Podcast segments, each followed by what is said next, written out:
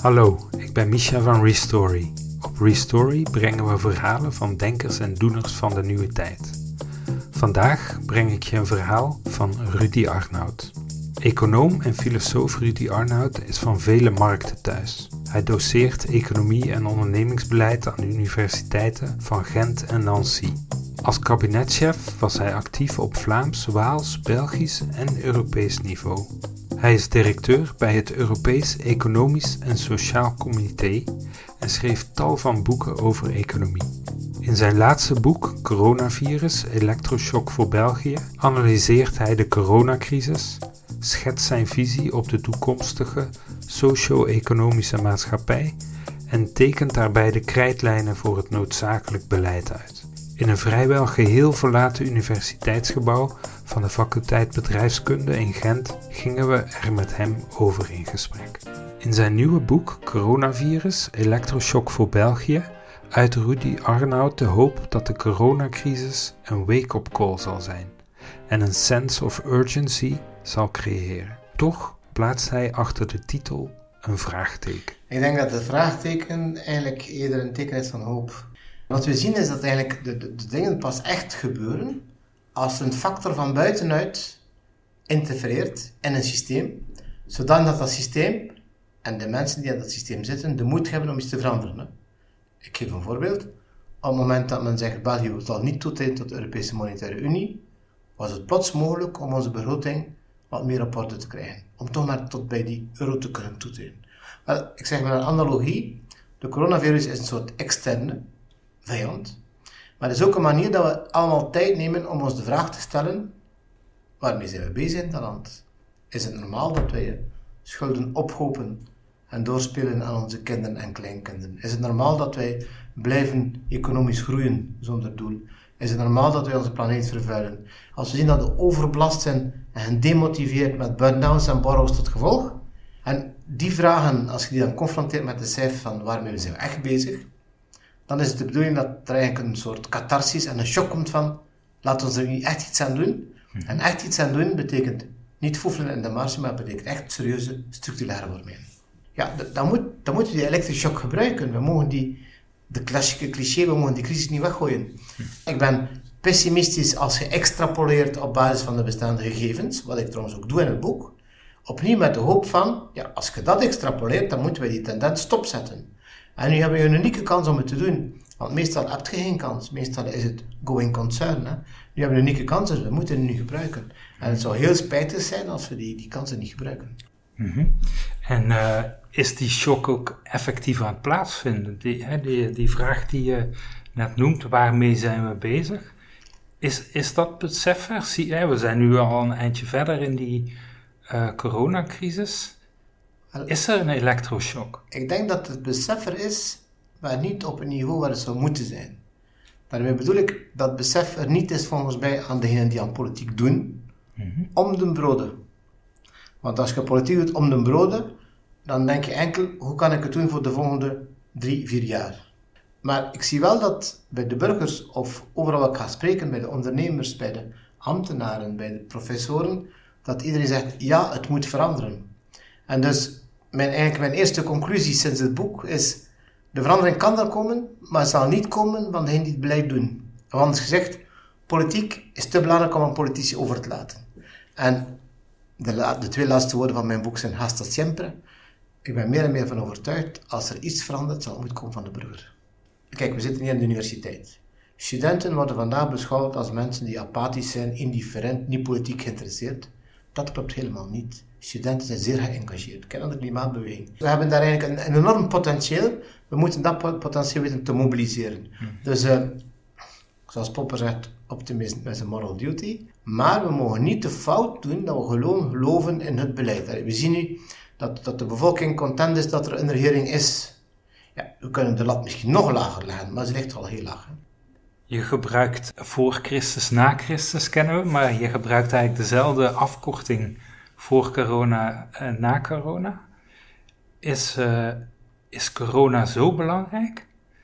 Want je zegt ook ergens in het boek dat, uh, dat het menselijk en economisch heel erg is, maar dat het eigenlijk maar een korte termijn crisis gaat zijn. Het is een korte termijn crisis per definitie, maar het is wel een bewustwordingscrisis. Als je kijkt, we hebben eigenlijk altijd crisissen. En we leefden zo'n beetje in delusie uh, met de vooruitgang van de technologie, met de vooruitgang van de welvaart, met de vooruitgang van de rijkdom, dat de mensheid een beetje boven de natuur stond. Hè. Wat kon een klein virus ontbaten? En nu zien we dat een, een klein, bijna onzichtbaar ding, die, die maakt dat heel dat kapitalistisch systeem eigenlijk in duigen valt. Ik ben een grote fan van de filosoof Jacques Derrida, de filosofie van de deconstructie. Dat betekent, eigenlijk heel ons systeem is gebouwd op een aantal hypotheses, maar op het moment dat je de hypothese in vraag stelt, dan wordt het een kaartenhuisje. En dat is wat de virus doet. De virus stelt het in vraag. En veel kan wat dat vroeger niet kan. Veel dingen zijn mogelijk wat dat vroeger niet mogelijk waren. Als ik als professor met mijn collega's spreek van we gaan lesgeven aan een scherm in de plaats van aan studenten, ja, over jaar was het impossible. Impossible becomes possible. Mhm. Vandaar ook voor corona en na corona. Wat stel jij voor om dit, dit aan te pakken, om, om die verandering te bewerkstelligen? Nou, dat is eigenlijk de, de, de moeilijkste vraag van allemaal. Mhm. en, en daar zit je natuurlijk vast met een systeem. Nu, hoe kunnen we veranderen? We kunnen veranderen dat de burgers op zich moment zeggen, we willen verandering. We willen niet meer meelopen. We, we aanvaarden niet een vorm van een verlicht despotisme waar we soms een cadeautje krijgen. We mogen 80 euro als we op reis gaan naar Wallonië, 10 gratis treinticketten. De mensen ook moeten zeggen, dat willen wij niet zoiets. We hebben er genoeg van. En daar opnieuw heb ik wel hoop om dat gevoel dat mensen dat willen veranderen. Kijk naar de klimaatbeweging. De klimaatbeweging staat op wereldniveau, op Europees niveau, op ieder land staat hoog op de agenda. Dankzij, onder meer dankzij, de beweging van jongeren van burgers. Ik heb uh, net uh, een stukje geschreven een interview met een Britse dame, Hilary Cottam, die voor de Wereldbank gewerkt heeft en die nu eigenlijk de vijfde sociale revolutie bepleit. En daarin zegt ze, om tot verandering te komen heb je vier um, partijen nodig die uh, ja, aan één zeel trekken daarin. En zij noemt in de eerste plaats de intellectuelen. Dus dat zijn mensen zoals u die boeken schrijven om de mensen bewust te maken van het systeem. Twee, zegt ze, niet onbelangrijk, is het grote middenveld. En ik denk dat je daarnaar verwijst als je het over de klimaatbeweging hebt. Ja. Maar zij noemt ook de gele hesjes. Uh, drie, de ondernemers, zeer belangrijk. Ofwel omdat ze het beseffen, ofwel vanuit noodzaak. En vier, de overheid. Hoe, hoe zie jij die vier uh, samen klitten en, en zijn daar mogelijkheden om, om ervoor te zorgen dat die inderdaad op een gegeven moment zodanig uh, druk kunnen uitoefenen dat het systeem verandert? It's a very long way. Het zijn dingen die we moeten opbouwen en we hebben ook geen tijd te verliezen, vandaar ook het shock-effect. Maar één, intellectuelen. Je hebt natuurlijk, ook in België, heb je een aantal intellectuelen die niet vrij zijn. Wat je nodig hebt zijn intellectuelen die ook mogen vrij denken, vrij praten en vrij schrijven. Ik denk dat we die hebben. Zijn mensen die, die, die echt niet, ik ben daar niet de enige die mee die naar buiten komt en ik, we moeten echt iets aan veranderen, kan niet verder. Dat kan ik. De burger, tweede partij, ja, ik geloof dat, dat de burgers bewust zijn daarvoor. Kijk, als, opnieuw als ik kijk naar studenten, studenten zeggen niet, waar verdien ik meest? Maar zeggen, welk bedrijf doet iets voor de maatschappij? Dus ik denk dat we daar ook, ook, ook voor, dat is ook wel een van de tendensen dat we bespreken, levenskwaliteit. Hè? Dus ik denk, de beweging, de mensen, die zijn er. Hè? Je moet die natuurlijk niet structureel, maar kanaliseren. Drie ondernemers? Wel, ja, maar dat is ook een kleine bemol maken, want je hebt ondernemers en je hebt ondernemersorganisaties. Dat zijn twee aparte werelden. De ondernemers, die zijn mee. De organisaties die zogezegd de ondernemers vertegenwoordigen, ja, vertegenwoordigen, to represent, vergeten soms dat ze die ondernemers vertegenwoordigen, hebben een eigen agenda. Net zoals de syndicaten. En daar denk ik dat er nog veel werk aan de winkel is, dat die organisaties veel meer kijken naar wat willen de ondernemen of wat willen de werknemers voor de syndicaten. En dat je dat institutioneel moet weghalen. Verder de overheid. De overheid is, ik ben nu leider, ik volg u. Dat betekent als de eerste dekanaliseren, dat sowieso de overheid zal zeggen, oei, daar moet ik naartoe, anders ben ik niet meer aan de bak. En ik denk dus de VID is misschien een beetje de meeloper, die voorlopig het zich nog permitteert, met een beetje Sinterklaas te spelen, die permitteert om dat niet te doen, die beweging. Maar als de druk zodanig groot is, kijk naar het klimaat, dan volgt die. Dus ik geloof dat het mogelijk is, maar we moeten wel even een paar ingrepen doen. Bijvoorbeeld als ik spreek over de, derde pijler dan, de, de, de ondernemingen. Um, ja, ondernemingen slash syndicaten. Je moet natuurlijk denken aan de financiering van die organisatie moet veranderen. Is het normaal dat ondernemingen sociaal secretariaten doen? Nee. Is het normaal dat de syndicaten de werklozen betalen en daarvoor geld krijgen? Nee. Is een vakbondspremie normaal? Nee. Dus dan moet je inderdaad die hervormingen durven doen. En opnieuw, het moet de basis zijn die zegt, wij pikken dat niet meer. En in de overheid kun je altijd hopen dat er een paar mensen zijn die visionair zijn. En die ook een visie hebben, maar jammer genoeg ons land weinig te verliezen hebben. Het is niet per toeval dat het voorwoord en het nawoord van mijn boek gemaakt is door Mark IJskind, respectievelijk Herman de Croo. Oude krokodillen, maar bij mensen die een visie hebben en die durven zeggen, ja, het kan zo niet langer. En, en die durven het ook, want die moeten daar niet meer bij zijn om de brood en die hebben dus zeker notoriëteit. Jongere politici hebben natuurlijk veel moeilijker daarmee. Precies door het systeem dat je moet aanpassen. En voor mij het systeem aanpassen is, is heel eenvoudig. Je gaat vier jaar, je, bent advocaat, je bent professor, wat dan ook. En je gaat een paar jaar in de politiek om dingen te veranderen. En dan keer je terug naar je beroep. Dan ben je een vrije man, een vrije vrouw.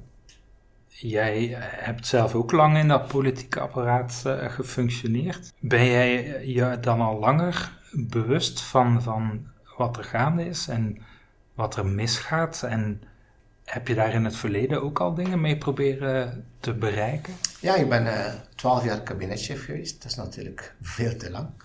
Dan, dan heeft je twee keer zoveel en dan heb je korte nachten. Uh, maar anderzijds heb ik ook altijd geprobeerd het systeem van binnenuit aan te passen. En, en daar is het grote probleem, en dat is denk ik voor mij een, een beetje uh, een filosofisch probleem. Ik zie bepaalde ministers die echt krankgierig zijn, die de clichés van de Nederlanders duizend keer overtreffen. Maar diezelfde ministers hebben geen enkel probleem om budgetlijnen af te tekenen en te verkwisten. Want die, die, die budgetlijnen, dat is, dat is publiek geld, dat is van niemand. En die kanttekening moeten we ook maken. Publiek geld is geld van iedereen.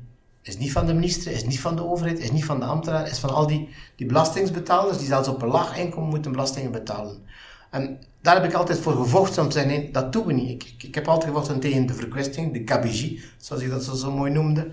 Omdat precies die ik, we zien nu de, de, tekorten. Ik kan remedies maken, ik heb er ook over geschreven. Ik kan, ik kan veel besparen zonder dat het aan iemand pijn doet.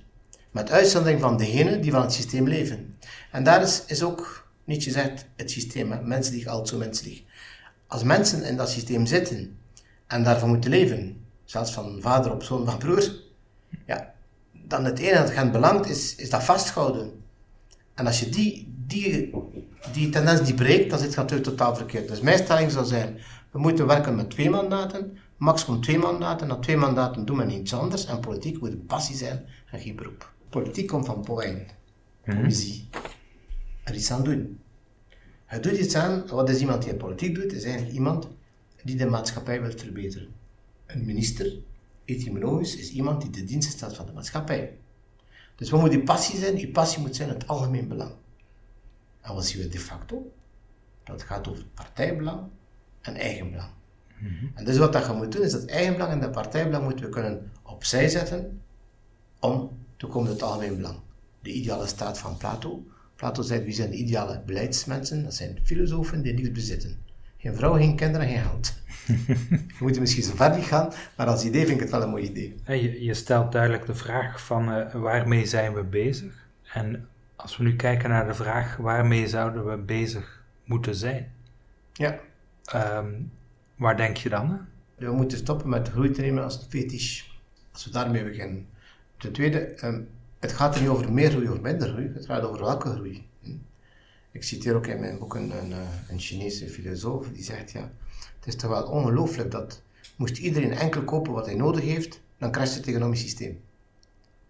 Dat is natuurlijk een doordenker. Want het economisch systeem is gebaseerd op marketing, op het feit dat we dingen kopen dat we niet nodig hebben.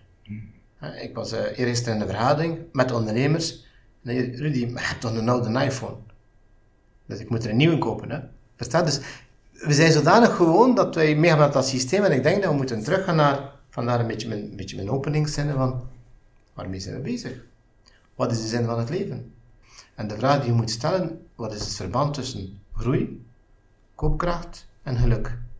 Vandaar ook, in boek zegt het gaat over een totaalvisie. Hè? Het is niet groei, niet groei, het is welke groei? Duurzame groei, maar ook een groei waarbij je rekening houdt, wat we noemen inclusieve groei, rekening houdt met de mensen die misschien een beetje uit de boot vallen. Maar dan kun je een mooi, systeem opbouwen, waar iedereen denk ik gelukkiger van wordt. als ik nu, filosofisch mag zijn, eigenlijk Aristoteles had twee woorden had. Chemastistiek en economie. En chemastistiek, dat betekent, ik produceer voor derden. Economie, oikos, mijn huishouding, ik produceer voor mezelf. Hè. Dus op een zeker moment is de economie niet meer gebaseerd geweest op wat, wat doe ik voor mezelf, maar wat doe ik voor de ruil. En als je ruil hebt, dan moest je een ruilmiddel hebben. En de ruilmiddel vandaag noem je geld. En eenmaal dat je geld in het systeem hebt, heb je natuurlijk iets dat op zich geen waarde heeft en tezelfde tijd een oneindige waarde. Het is niks waard, want je kunt het niet opgeten. Je kunt er ook niks mee doen. Maar je kunt er alles mee doen, maar je kunt ruilen voor. En dus op het moment in dat we overgestapt zijn van de gebruikswaarde naar de ruilwaarde, zegt Aristoteles, daar is het misgelopen. Wel, ik denk dat we misschien daar terug moeten. Wat hebben wij nodig? Heb ik een salaris nodig van 2000, 10.000 euro? Nee. Ik heb een dak boven hun hoofd nodig, ik heb bepaalde eten nodig, ik heb bepaalde, iedereen heeft zijn behoefte aan Maslow en dergelijke meer. Dat heb ik nodig, maar niet een salaris. Dus geld op zich, economie op zich, dat is een middel. En in onze maatschappij zijn dat doelen geworden. En zolang dat een doel is, raken we eruit uit.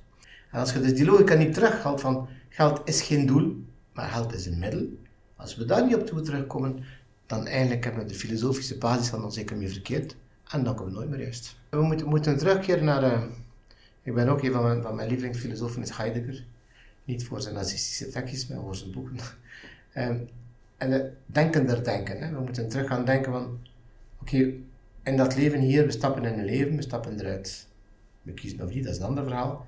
Maar gedurende die periode, in dat interval, wat willen we realiseren? En ik denk, als je echt met mensen spreekt, er is natuurlijk sociale druk, hè? maar als je echt met mensen spreekt, er zijn weinig mensen die zeggen, ja, ik zou gelukkig zijn als ik zoveel op mijn bakrekening heb. Ik zou gelukkig zijn als ik een derde huis heb. Ik zou gelukkig zijn als ik die en die auto heb. Dat is het niet. Hè? En dat denken, dan moeten we teruggaan van, ja, wat willen we? Wat zoeken wij in het werk? Hè? Dus we moeten ook zien dat we die creativiteit, die zin heeft blijven bouwen. En voor mij, de vraag staat is inderdaad denken over het zinvol van het leven. Maar daar spreek ik niet alleen over als filosoof, daar spreek ik ook over de taak van de media. Hè? Ik denk dat ook de media moeten een rol spelen voor de mensen een beetje te denken waarover gaat het, wat is het leven, ook om een aantal zaken naar voren te brengen. Ik, ik ben grote voorstander in Frankrijk, dat wat filosofie is in middelbaar onderwijs, die gewoon de mensen duwt om een keer te gaan denken, of hoe denken mensen over het leven? Um, wat zoek ik in mijn arbeid? Hmm. Ik wil later arbeid, wat zoek ik? Waarom kies ik een bepaalde studie? Ik vind het heel belangrijk dat die vragen opnieuw gaan stellen. En ik vind het heel belangrijk dat ook mensen heel jong heel bewust omgaan met het leven, heel bewust omgaan met, met onze schaarste-tijd. Dus dat zijn de type vragen die we moeten stellen. En eenmaal we daar een gedeelte antwoord op hebben, want het leven is een zoektocht. Maar Antjan zegt, het ligt in de zoektocht, niet in het resultaat. Als we dus het leven eigenlijk op die manier opbouwen, dan we natuurlijk ook anders omgaan met de economie. En dan gaan we misschien terugkomen op economie. Is, is, geen, middel, is geen doel, maar is een middel. Geld is geen doel, maar is een middel. En ik denk dat, dat we moeten veel meer bewust gaan leven. Dit was het verhaal van Rudy Arnoud. Bedankt voor het luisteren. Meer verhalen over denkers en doeners vind je op www.restory.be.